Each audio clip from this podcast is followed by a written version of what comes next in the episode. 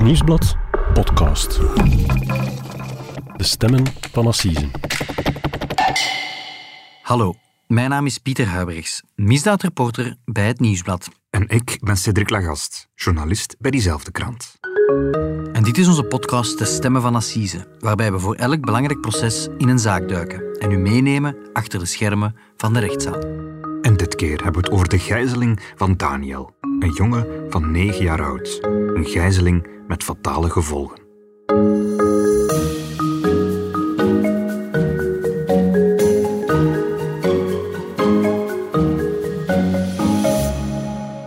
Dag Pieter. Dag Cedric. Pieter, het is vandaag vrijdag en dat is zoals we weten een, een beetje een bijzondere dag bij justitie, want eh, de school en de werkweek die beginnen op maandag. Maar assiseprocessen die starten in Vlaanderen toch meestal op een vrijdag. En, en dat is deze vrijdag niet anders. We gaan het vandaag hebben over een assiseproces dat in Antwerpen van start gaat. Ja, een heel belangrijk proces. Ja, de volksjury mo- moet zich daar buigen over een moord. Eigenlijk een gijzeling, een gijzeling met dodelijke afloop. En het gaat over een moord die in 2019 voor heel wat beroering heeft gezorgd. Want het gaat over de moord op een negenjarige jongen. De moord op de kleine Daniel, Daniel Al-Alali. Een, een, zeer triest verhaal, vind ik. Hè. Negenjarige jongen, afkomstig uit Libanon, ehm, die eigenlijk nog maar een goede zeven maanden in ons land was gearriveerd. Hij was samen met zijn moeder naar ons land gekomen destijds. Ze hadden samen asiel aangevraagd en werden opgevangen in een eh, asielcentrum van Broechem. Dat is in het Antwerpse.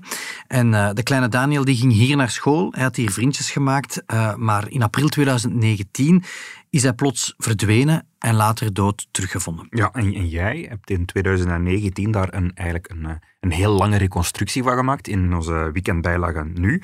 Ook over wat er zich allemaal in de dagen vooraf heeft afgespeeld. Eigenlijk op zoek naar eh, een antwoord op de vraag waarom werd een negenjarige jongen ontvoerd. En ik weet dat je ook veel met de mama hebt gesproken de afgelopen jaren en, en daarom zit jij eigenlijk hier vandaag. Hè? Want het is eigenlijk wel een, zaak die jou beroerd heeft, denk ik. Ja, eh, los van het feit dat het eh, de eerste minderjarige was, denk ik, die, die ja, vermoord werd in een, in een Belgisch asielcentrum. Ehm, ja, op, ja, het is misschien een raar verhaal, Cedric, maar ja, veel in het leven wordt bepaald door toeval. En door een, door een groot toeval heb ik Daniel Alali ontmoet. eh, en dat enkele uren voor hij zou verdwijnen. Eh, dat klinkt een beetje vreemd. Ja. Maar ja, het was een heel korte ontmoeting. Hè. Misschien even terug in de tijd. Ik was eh, ja, hier vlakbij op Linkeroever aan het Galgeweel eh, aan het steppen. De enige en enige keer in mijn leven dat ik op een step Op heb zo'n gezeten. elektrische step dan, vermoed ik. Ja, ja, en ik was op weg naar een afspraak langs het water. En ehm, ja, het was 18.43 uur, 43, hebben we later gereconstrueerd. En ik passeerde langs een groep mensen die daar wat verder aan het barbecuen waren. En, en dat bleek achteraf, dat was Daniel samen met zijn familie.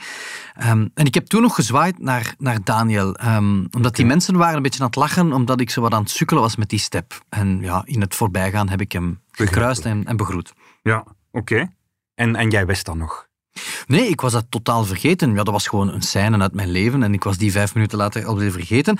Maar toen ik ja, zoveel weken later zijn moeder interviewde, hè, naar aanleiding van de dood van, van de kleine Daniel, ja, gebeurde er iets heel vreemds, want zij herkende mij en zij liet mij op haar smartphone een video zien waarop dat zij mij dus aan het filmen waren terwijl ik op die step langs het galgeweel aan het chasen was. Dat is bijzonder. Ja, dat is een heel vreemde, dat was een heel vreemde gewaarwording. Oké. We hebben het al gezegd, het is een moord die, eh, die sowieso voor veel beroering heeft gezorgd in ons land. Eh, Ook op politiek vlak eigenlijk. Ja, tot in het parlement. hè. En ook onze premier toen, hè, dat was Charles Michel, hè, de eh, MR-premier toen, die heeft zich over de kwestie meteen uitgesproken. Hij kondigde aan dat onderzoek ja, transparant en onafhankelijk eh, zou moeten verlopen en dat de beschuldigden eh, gestraft moesten worden.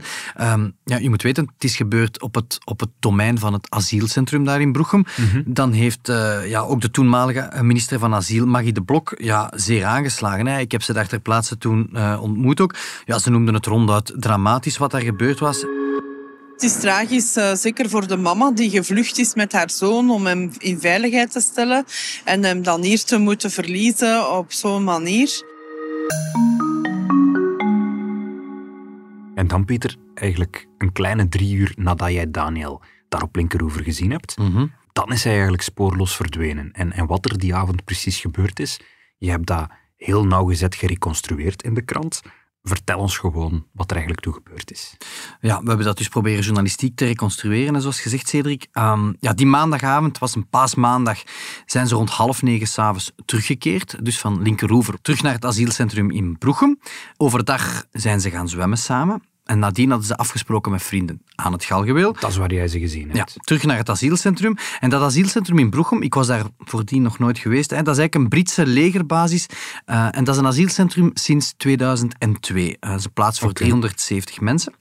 Dan nadien bij aankomst hebben ze nog even met de familie gebeld. Uh, en hoewel Daniel normaal rond half tien s'avonds moest gaan slapen, uh, ja, vroeg aan zijn mama om nog even met zijn fietsje op het domein te gaan rondrijden. Gewoon even tussen, tussen die gebouwen door. Zo. Maar ja, zoals elk kind graag, uh, graag fietst. Hij wou een kort ritje maken uh, op het domein.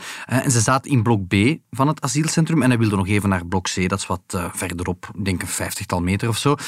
omdat hij daar iemand wilde bezoeken die hem, zo zou later blijken, centjes had beloofd. Iemand had hem geld beloofd. Dat is toch al bijzonder. Ja, die moeder stond daar op dat ogenblik niet bij stil. Hè. Ze zag Daniel wegfietsen. Nu, um, dan moeten we naar de onthaalmedewerkster van het asielcentrum. Zij heeft Daniel nog om 9.30 uur stipt zien voorbijfietsen. Maar dan verdwijnt hij eigenlijk van de radar. Het is de laatste keer dat Daniel, de kleine Daniel, levend wordt gezien. Uh, natuurlijk, ja, die moeder maakt zich meteen grote zorgen, hè, want de tijd gaat voorbij en haar, mm-hmm. haar, haar, zoontje komt maar niet terug. Ja. En ze gaat op zoek en ze vindt zijn fiets aan blok C. Maar niemand die daar rondloopt, kan eigenlijk zeggen van ja, wat is er met die kleine Daniel Niemand heeft hem nog gezien of gezien waar hij naartoe is. Nee, en dan gaan de minuten voorbij, er gaat een half uur voorbij, er gaat een uur voorbij. Het is natuurlijk grote paniek. Uh, ja, ze slaat alarm, hè. Ze, ze maand andere bewoners aan om mee te gaan zoeken. En dan om middernacht pas wordt de politie verwittigd. Uh, nou, maar er is geen spoor van daar. Ja, en dat kennen we van andere verdwijningszaken waarbij dat kinderen verdwijnen dat is paniek bij de ouders. Ja, dat is hoogst verontrustend. Hè. Hij, is, hij is spoorloos verdwenen. Uh, moeder is in volle paniek, heel emotioneel. Ja, dan komen, dan komen de manschappen ter plaatse. Politie komt ter plaatse. De hele nacht wordt er gezocht op het domein. Al die kamers, al die units, hè, die 370 personen, dat wordt allemaal meter per meter uitgezocht komen ook speurhonden ter plaatse. Uh, ook Alain Remu, hè, bekend van de celvermiste personen, wordt ingeschakeld. En dan om 4 uur 30 s'nachts, we zijn intussen al bijna de ochtend nadien, ja. uh, de moeder heeft natuurlijk nog geen seconde geslapen, ziet ze dat er om half twaalf al een WhatsApp-bericht is binnengekomen van een onbekend nummer. En de boodschap is bijzonder verontrustend. Hey, jouw zoon is bij mij. Je krijgt vier dagen om mij het geld te geven. Nu is je zoon in Duitsland. Geef mij 100.000 euro en ik geef je je jongen. Ik bel je later. Je krijgt maar vier dagen. Ja, uit dat bericht, Pieter, dat weet je direct. Daniel is ontvoerd. Hij is niet weggelopen. Hij is ook niet verloren gelopen of zo. En de dader vraagt ook nog eens losgeld.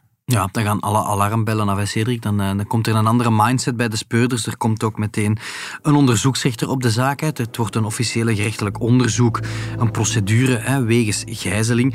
Er wordt een commandopost geïnstalleerd, telefoons worden afgeluisterd, uh, mensen in het asielcentrum worden bevraagd. Het wordt, ja, het wordt serieus. En levert dat resultaat op? Wel tussen al die onderzoeken door is het opnieuw de moeder van Daniel zelf die een ontdekking doet. Hè. Uh, zij vindt vlak bij de achterkant van die fameuze blok C een bebloed wit t-shirt. Uh, het is een mannenshirt, voor alle duidelijkheid, van een volwassene, dus niet van Daniel. Maar van Daniel zelf, haar kleine jongetje, ontbreekt elk spoor.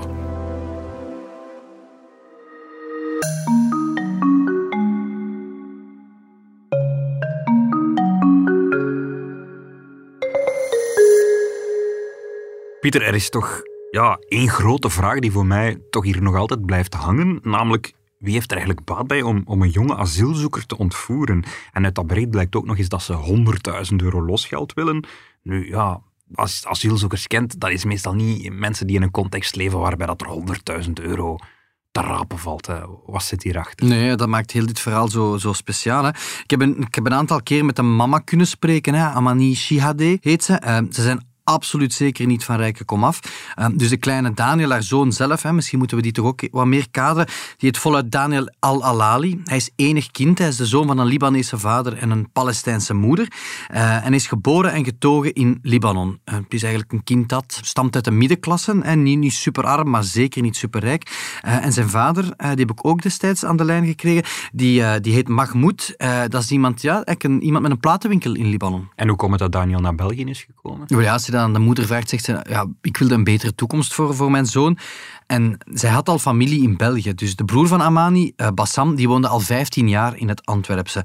Uh, nu, in haar kielzog nam ze niet alleen haar zoon Daniel mee, maar ook de zus van de moeder kwam mee, de tante Fat mee en haar 14-jarige dochter Malak. Uh, dat was het nichtje van Daniel. En die zijn allemaal samen naar België gekomen. En op 3 oktober 2018 vragen ze hier samen collectief asiel aan. en in afwachting van een oordeel moesten ze dus in het asielcentrum van Broechem wachten op het verdict. Ja, en ik heb begrepen uit je artikels dat Daniel eigenlijk best gelukkig was. Eigenlijk wel, Daniel was hier zeer gelukkig op school. Hij ging naar de basisschool De Springplank. Hij zat daar in het vierde leerjaar. Hij leerde Nederlands. Hij kon een, mondje Engels uh, spreken, zei zijn uh, toenmalige juvons. Hij voetbalde graag met, met, de andere kinderen in het asielcentrum. En ja, zoals daarnet al gezegd, ja, hij hield van fietsen. Hè. Vaak maakte hij s'avonds nog een, een tochtje op zijn fiets. Ja, wel, maar waarom zou iemand dan zo'n kind ontvoeren? En, en waarom denken ze dat daar 100.000 euro te rapen valt? Ja, dat is de hamvraag in dit dossier, denk ik. Hè. Ik weet in de eerste dagen, als Daniel vermoord was teruggevonden, dat wij op de redactie daar ook over bezig waren en rondbelden. En is op een bepaald moment de hypothese gerezen dat er mensensmokkelaars in spel waren en dat de familie dus bij de komst van Libanon naar België, dat zij nog een openstaande schuld hadden en dat die nog moest... Uh, ja. Maar 100.000 euro is dan wel heel veel. Ja, en dat verhaal bleek achteraf uh, niet te kloppen. Maar dus de speurders die moeten op zoek naar, naar een ontvoerder of ontvoerders. En ik begrijp, in de eerste plaats zoeken ze die in het asielcentrum. Ze zoeken niet iemand die van buiten het asielcentrum is binnengedrongen. Nee, en daar is een goede reden voor. Ehm, ja, je kan daar niet zomaar binnen. Het is een asielcentrum. Je hebt een speciale badge nodig om daar binnen te kunnen. Daar hangen overal camera's. Uh, later bleek dan wel dat een deel van die camera's defect waren. Dus ja, in eerste instantie gaan die speurders ervan uit van ja, die, die, die daders die moeten zich in het asielcentrum bevinden. Ja. Zo'n onderzoek begint natuurlijk op de plek waar hij het laatst gezien is. En dat zal dan die blok C zijn. Ja, en dan gaan ze getuigenissen uh, verzamelen. En ja, wat blijkt dan? Dat Daniel die avond rond half tien nog gezien is, samen met twee andere Palestijnen. Die komen dan voor het eerst in beeld. Uh, een zekere Ali en een zekere Fami. Maar als ze die dan willen ondervragen, hè, Cedric, wat mhm. logisch is, dan blijkt dat niet mogelijk te zijn, want ze zijn allebei rond 22 uur, een half uur later dus, allebei vertrokken uit Broechem. En ze hebben Daniel meegenomen, is dan de piste? Wel, dat is aanvankelijk niet duidelijk, want uit hun gsm-signaal leidt de politie eigenlijk af dat ze in Antwerpen zitten, maar ze zijn daar met de bus heen gegaan. En als ze dan de camerabeelden van binnen in de bus bekijken en analyseren, ja, dan zien de speurders eigenlijk dat ze met tweeën alleen op de bus zitten, zonder Daniel. Zonder Daniel, dus het is een doodspoor, denk ik. Dat, dat zijn niet de ontvoerders. Wel, maar ze blijven natuurlijk zoeken naar die twee, want dat zijn de kroongetuigen, ongetwijfeld. Uh, ze treffen ze een dag later aan, het is dinsdagmiddag, op een appartement in Antwerpen bij een vriend. Daar treffen ze de oudste van de twee aan, Ali. Uh, Fami, dus de jongste, die wordt eigenlijk op bijna hetzelfde moment opgepakt als hij het asielcentrum in Broechem weer binnenwandelt. Nu, allebei zeggen ze hetzelfde. Ah, Daniel, nee, we weten niet wat er met hem gebeurd is. We hebben hem wel nog even gezien, we hebben kort even met hem gepraat, maar kort daarna zijn wij naar Antwerpen vertrokken. Dus, vals alarm, geen spoor van Daniel back to the drawing table, zou ik denken. Ja, maar je moet je proberen te verplaatsen in het, in het, in het brein van zo'n speurder. Hè. Die twee, dat zijn de laatste die hem gezien hebben. Dus eerst dat die piste effectief verlaten, ja, moet er wel nog meer gebeuren. Dus ze blijven werken op die these. En de twee worden op een bepaald ogenblik samen in een politiewagen naar de gevangenis gevoerd. En dan gebeurt er een classic uh, truc die je in de Amerikaanse films ook natuurlijk veel ziet. Uh, ja, de politie luistert samen met een tolk stiekem mee naar de gesprekken. Alles wordt stiekem opgenomen. En dat is later van groot belang gebleken. Omdat ze daar over die ontvoering spreken. Ja, daaruit blijkt duidelijk, Cedric, dat die twee zich grote zorgen maken over het, over het gestart een politieonderzoek. Hè. En ze zeggen ook dat als het lichaam lang genoeg zou blijven liggen, ja, dat het dan wel vanzelf zou verdwijnen. Dat wijst er toch op, Pieter, dat we hier met de daders te maken hebben. Ja, wel op zijn minst, Cedric, dat ze er meer van af weten. Hè. Uh, je moet weten, in die periode, meteen na die verdwijning, worden er vijf mensen uit het asielcentrum opgepakt. Uh, het zijn allemaal mensen van wie dat de speurders in Antwerpen denken, die moeten er op een of andere manier iets mee te maken hebben. Um, drie van die vijf zullen met mondjesmaat tijdens het onderzoek gelost worden. Er is er één bijvoorbeeld, Cedric, die had een gsm-toestel verkocht aan één van hen, maar die zou er voor de rest ja, niks mee te maken hebben. Die drie worden eigenlijk vrijgelaten omdat ze er niks mee te maken hebben, maar die twee die Ali en die Fami, die worden wel uh, verdacht. Ja, en die blijven voorlopig in de cel. En de volgende stap is een grote sweeping over heel het domein. Hè. Dus heel dat asielcentrum in Broechem wordt meter per meter gesweept, hè, doorzocht op zoek naar een spoor van de kleine Daniel. En dan om 15 uur 42 precies ja, wordt het lichaam van een kleine jongen gevonden in een gracht vlakbij blok C. Eh, een lichaam verstopt onder een hoop bladeren. De jongen blijkt aan handen en voeten vastgebonden met de netten van een voetbalgoal. De benen zaten in een zwarte zak verstopt en de jongen blijkt uh, verstikt. Ja, Daniel is niet langer ontvoerd. Uh, vanaf nu is het officieel een moordonderzoek.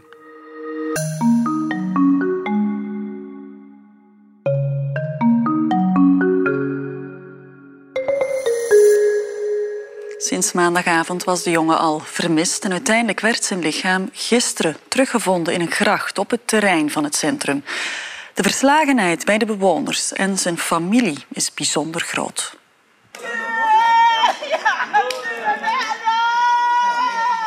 Familieleden van het jongetje treuren aan het opvangcentrum in Broechem. Ze willen antwoorden ook over hoe de negenjarige Daniel om het leven is gekomen. Moet, weet Daniel, waarom, waarom, waarom is dood? Snap je? En waarom zo geboord? We horen hier een geluidsfragment van onze collega's van VRT, een stuk uit het journaal van toen.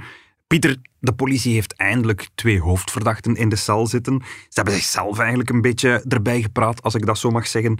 Maar wie zijn dat eigenlijk, die twee mannen? Mm -hmm. Het zijn twee mannen met een heel gelijkaardig uh, profiel, maar anderzijds ook wel met een erg verschillende achtergrond. Dat moet je toch uitleggen. Wel, voor eerst, het zijn allebei Palestijnen die eigenlijk geboren en opgegroeid zijn in een vluchtelingenkamp in Libanon. Okay. Uh, allebei zijn ze in een heel ander milieu opgegroeid dan Daniel. Ze zijn geen middenklasse, maar ze leefden echt in pure armoede. Ja, dus ze hebben een gelijkaardige achtergrond. En, en wat is het verschil tussen de twee dan, waar dat je het over had? Wel ja, de oudste verdachte heet voluit Ali Alai Mahmoud, 20 jaar. Hij groeit op bij een vader die in het vluchtelingenkamp een tabakswinkel en een uh, kippenslachterij had. Okay. Maar eigenlijk in werkelijkheid een leider was van de politieke Palestijnse militie uh, Fatah. Je Oei. weet, opgericht destijds door Yasser Arafat. Ja. Uh, maar wordt uh, ja, door Europa als een terroristische organisatie aanzien.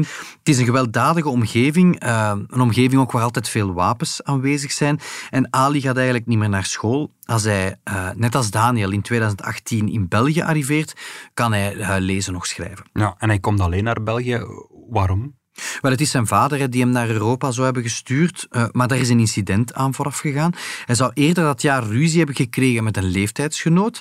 Hij was thuis in het kamp een vuurwapen gaan halen en in de schietpartij die daarop volgde uh, zou een zesjarig meisje in het hoofd zijn geschoten. Ah, oei, dus hij, hij, moest eigenlijk vertrekken. Het was eigenlijk van moeten. Wel ja, de, de, de, echte details kennen we daar niet van, maar het is een, het is een heel opvallend verhaal en je kan het wel vermoeden. Ja. Oké, okay, en, en de andere verdachte dan? De andere verdachte heet Fami. Over zijn leeftijd bestaat discussie discussie. Hij zal 17 jaar blijken te zijn, maar het gerecht is er lange tijd van overtuigd dat hij veel ouder is. Okay. Uh, dat, dat is wel belangrijk later in dit verhaal. Hij groeit ook op in een vluchtelingenkamp, maar hij gaat in tegenstelling tot zijn vriend Ali wel naar school. Het is een voorbeeldige leerling. Hij speelde voetbal en zou zelfs van plan geweest zijn om hogere studies aan te vatten. Oké, okay, maar hij groeide eigenlijk ook op in een vluchtelingenkamp eigenlijk. Hè? Ja, maar heel opvallend, Cedric, ook zijn vader was lid van een gewapende militie, uh, met name Hamas. Dat zijn de tegenstanders. Wel ja, de extreme islamitische Hamas-beweging. Um, het opvallende is natuurlijk dat die twee milities, uh, Fatah en Hamas, dat is water en vuur natuurlijk. Uh, zelf zegt Fami dat hij naar België is gevlucht omdat de buren van Fatah hun gezin bedreigden.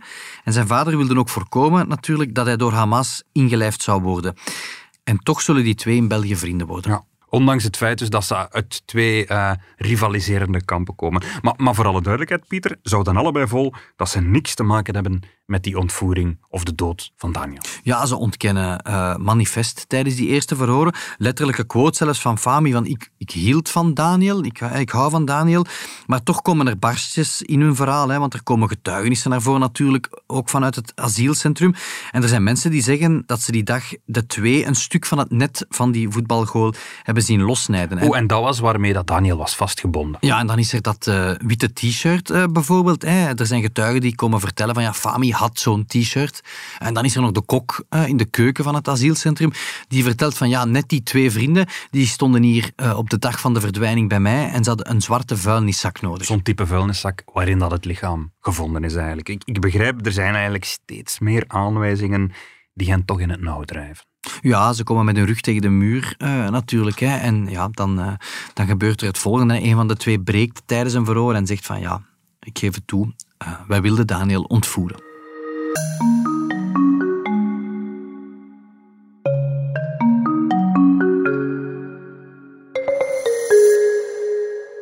De eerste die begint te vertellen is Ali, dat is de oudste verdachte. Dat gebeurt begin mei, laten we zeggen, een, een, tweetal weken na de verdwijning van Daniel. En wat bekent hij dan? Wel ja, bekend dat hij en zijn vriend Fami inderdaad van plan waren om Daniel te ontvoeren. En de reden daarvoor ligt bij een verhaal dat in het asielcentrum onder de Palestijnse klik de ronde deed. Namelijk, we hebben het daar juist al een beetje aangehaald, dat de familie van Daniel zeer welgesteld was. Dat ze eigenlijk heel rijk waren, omdat Daniel vaak nieuw speelgoed had en dat hij ook een eigen fietsje had. En de moeder zou een rijke Zwitserse man gekend hebben, ja, iemand met heel veel geld. En ja, dat was toch het gerucht dat in het asielcentrum de ronde deed. En, en klopt dat? Was dat waar? Ja, moeder Amani ontkent dat. Ze zegt, ja, dat is niet waar. Het rare is, toen ik Amani gesproken heb, in de, in de weken na Daniels dood, was hij vergezeld van een man, een Zwitser, uh, iemand die er duidelijk rijk uitzag. Dus ik weet niet of het verhaal helemaal steek houdt. Er was een reden waarom dat, dat verhaal misschien verteld werd. Dat klopt. Oké, ze wilden hem ontvoeren, ze wilden losgeld eisen. Waar is dat misgelopen? Wel, het plan was om Daniel vast te binden en hem een paar dagen vast te houden in een leegstaande hangaar in de buurt van het asielcentrum. In afwachting van dat losgeld. Ja, en hij was dus gaan zwemmen. Hè. Ze waren naar het Galgeweel geweest, teruggekeerd naar Broegem. En ze hadden hem eigenlijk meteen meegelokt hè, eh, op zijn fietsen richting de achterkant van het asielcentrum. Omdat het geld daar zou begraven liggen. Hè. De centjes die, die hem beloofd waren, die waren daar zogezegd begraven. Ja, en dus dan zou Fami hem vastgegrepen hebben, beweert Ali althans. En Fami die zou ja, om onduidelijke redenen dat bewuste t-shirt meteen ja, veel te hard op het gezicht van de kleine Daniel geduwd hebben. Uh, in die mate zelfs dat hij begon te bloeden um, en tot hij niet meer bewoog. Um, heeft hem daarna vastgebonden uh, en achtergelaten in een greppel. Um, de laatste woorden van Daniel, en dat blijkt uit de, uit de reconstructie, die waren van ja, alsjeblieft, mannen, doe mij niet dood.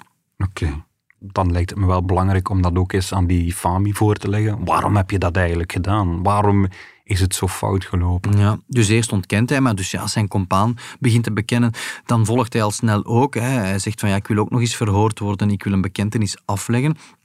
Maar opvallend, hij komt met een heel ander verhaal. Hij zegt, ik heb eigenlijk niets met die ontvoering te maken. Ja, het enige wat ik gedaan heb, ik heb die voetbalgoal kapot gesneden. Maar dat was net omdat zijn vriend Ali een touw nodig had voor zijn bagage.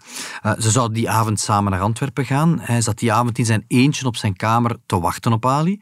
Nu, omdat hij wegbleef, is hij hem dan gaan zoeken en heeft hij Ali gevonden aan de achterkant van blok C op zijn knieën, pal naast het dode lichaam van Daniel. Als het al gebeurd was, zegt hij. Ja, hij had er dus niets mee te maken. Hij was nadien toevallig getuige. Uh, hij wilde toen zelfs nog het asielcentrum waarschuwen, zei hij, waarop dat Ali hem zou bedreigd hebben met een schaar. Ja, dat zijn twee heel tegenstrijdige verhalen en ze kunnen niet allebei waar zijn natuurlijk. Nee, een van hen liegt sowieso. Of, dat is toch ook wat de speurders toen dachten, ze liegen allebei. Ja, en dan is er nog dat berichtje. Dat is verstuurd om dat losgeld te eisen. Ik, ik begrijp Daniel is onmiddellijk gestorven. Maar dat wil dus wel zeggen dat dat berichtje eigenlijk na de dood van Daniel verstuurd is. Op het moment dat ze eigenlijk al wisten dat hij overleden was. Ja, klopt. En ook daar wijzen ze allebei naar elkaar. Uh, alleen natuurlijk, de oudste, Ali, dat hebben we daarnet aangestipt, ja, die kon nog lezen, nog schrijven. Dus hij kan dat berichtje niet gestuurd hebben? In principe niet.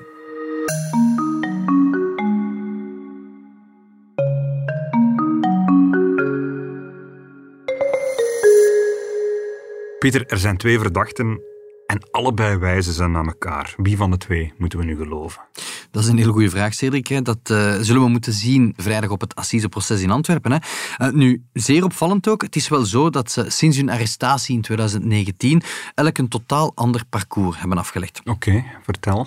Wel ja, Fami, de jongste, die heeft aanvankelijk in de Begijnenstraat in Antwerpen gezeten. Hè, de, de, gevangenis. de gevangenis van Antwerpen. Die heeft daar eigenlijk weinig problemen veroorzaakt. Eén uh, tuchtmaatregel opgelopen. Uh, nu, ja, er is heel lang twijfel geweest over zijn leeftijd. Hè. Er zijn uiteindelijk botskans aan te pas gekomen. Er zijn documenten uit Libanon uh, overgevlogen. Ja. Uiteindelijk is bepaald dat hij op het moment van de moord 17 jaar en 11 maanden was. Belangrijk, dus één maand voor hij 18 zou zijn, voor hij meerderjarig zou maar, worden. Dus minderjarig. Ja, en dat is het verschil tussen in de gevangenis blijven of naar een jeugdinstelling gestuurd worden. Nu, in die jeugdinstelling hebben zich geen incidenten voorgedaan. Ja, maar er is nog een gevolg, minderjarig. Eh, dan zou hij toch eigenlijk niet voor het Hof van Assise kunnen verschijnen? Wel, eh, in theorie niet. In de praktijk kan het wel bij heel zware misdrijven. En dan moet er beslist worden uh, ja, of de jeugdrechter hem uit handen geeft, zoals dat heet. Uh, ja, in oktober 2021 is dat effectief gebeurd, waardoor hij nu als een volwassene berecht kan worden en hij dus ja, samen met zijn andere meerderjarige compaan uh, terecht staat voor assise. Ja, en je zegt, ze hebben eigenlijk een heel ander parcours afgelegd. Ik vermoed dat het dan bij de oudste verdachte, bij die Ali, anders is verlopen. Ja, er waren destijds thuis al incidenten geweest. Hè. Er was die schietpartij met dat zesjarige meisje. Ja. Um, ja, hij stond bekend als een probleemgeval al voor de dood van Daniel in Broechem. Het. Ja, het was iemand die zich niet aan de regels hield. Hij dronk, hij rookte op de kamer, hij maakte ruzie met het personeel ja, was ook verslaafd aan cocaïne, zou later blijken. Hij deed zich binnen dat asielcentrum zo'n beetje voor als ik ben de maffialeider, ik ben hier de man. En ja, hij gedroeg zich, ondanks zijn jeugdige leeftijd, een beetje als, uh, als de baas van het asielcentrum. Okay. Dat blijkt uit getuigenissen van het personeel. Die Fami was eerder een meeloper. Ja, Ali had ook een strafblad verzameld wegens winkeldiefstallen en oplichting. En je moet weten, Cedric, op het moment van de feiten was Ali eigenlijk de toegang ontnomen tot het asielcentrum. Hij mocht, hij mocht daar eigenlijk niet zijn. Nee, zijn badge was afgenomen, uh, want zijn asielaanvraag was in maart 2019 ook afgewezen, dus een maand voor de moord op Daniel. Ja. Hij had het bevel gekregen om het land te verlaten, geen badge meer dus, zoals gezegd. En via de badge van zijn broer was hij toch het asielcentrum stiekem binnengeraakt. Dus hij sloop eigenlijk uh, het asielcentrum nog altijd binnen? Ja, om er te, te slapen s'nachts. Ja. Dus alhoewel dat hij het asielcentrum niet meer binnen mocht, kon hij daar toch nog gewoon blijven slapen. Dat vind ik wel Ja, dat is heel straf, maar het wordt nog veel straffer, Cedric, want uh, ook zijn track record in de gevangenissen, en hij heeft er menig doorlopen in, in België, uh, is zeer, zeer triest. Hè? Uh, uiteindelijk heeft hij 33 tuchtsancties gekregen, en niet voor de minste redenen. agressie, het maken van steekwapens, drugsbezit, vernielingen. En hou je vast, zelfs een ontsnapping uit de gevangenis. Echt? Amai. Ja, uh, je herinnert je dat misschien nog, Cedric? 19 december 2019 zijn er uit de gevangenis van Turnhout vijf mannen ontsnapt onder leiding van Oualit Sekaki. Dat is de broer van de ja. legendarische uh, ontsnappingskoning Ashraf Sekaki. Ik herinner het me nog, ik was die avond op de redactie en dat was een spectaculaire ontsnapping eigenlijk. Ja, een ontsnapping uit de gevangenis is uiterst zeldzaam in ons land. En die vijf die zijn toen die avond rond 20 uur uh, tijdens de wandeling over een zes meter hoge hoge muur geklauterd. Drie van die vijf die zijn een paar uur later alweer opgepakt. En een van hen dus was Ali Alhaj Mahmoud. Straf. Ja, dat was nog niet eens zijn strafste misstap in de gevangenis, zeg maar. Want in augustus 2019, dus een viertal maanden na zijn arrestatie, heeft hij in de gevangenis van Turnhout een celgenoot, een vijftiger, uh, met een mes in het oog gestoken. Uh, reden was er blijkbaar niet. Uh, ze hadden ruzie. de man is zijn oog daarbij ook verloren. En hij is daarvoor vlak voor de zomer tot 30 maanden cel veroordeeld. Pieter, er passeren hier veel criminelen mm -hmm. in onze podcast, maar iemand die, die het op zo'n korte tijd zo bond maakt, dat hebben we nog niet vaak gezien, denk ik. Nee, en we gaan nog verder, Cedric. Bovendien uh, bleek er al een eerdere ontvoeringspoging te zijn geweest. Ook door uh, onze vriend Ali. Ja, een goede drie maanden eerder eigenlijk, op 15 januari. toen had een onbekend iemand een berichtje gestuurd naar Malak. Hè, dat is dat 14-jarig nichtje van Daniel. En dat berichtje klonk als volgt. Ik ben Taufik. Morgen om zes uur zal ik voor de poort van het asielcentrum staan. Eet niets, want ik breng een reep snickers voor je mee. Nu, die ontvoering is mislukt. Er stond inderdaad iemand aan de poort. Daar was in januari een bewoner van het asielcentrum voor opgepakt op basis van zijn kledij. Maar nu blijkt dat die man eigenlijk een kamergenoot van Ali was. En de verdenking is nu dat het toen ook Ali was die die nicht van Daniel probeerde te ontvoeren. Voor dezelfde reden ja. als Daniel. Mm -hmm. Dat wordt niet op dit assiseproces behandeld. Hij zal in januari volgend jaar hiervoor ook nog eens terecht moeten staan. Dus nog eens in een ander proces.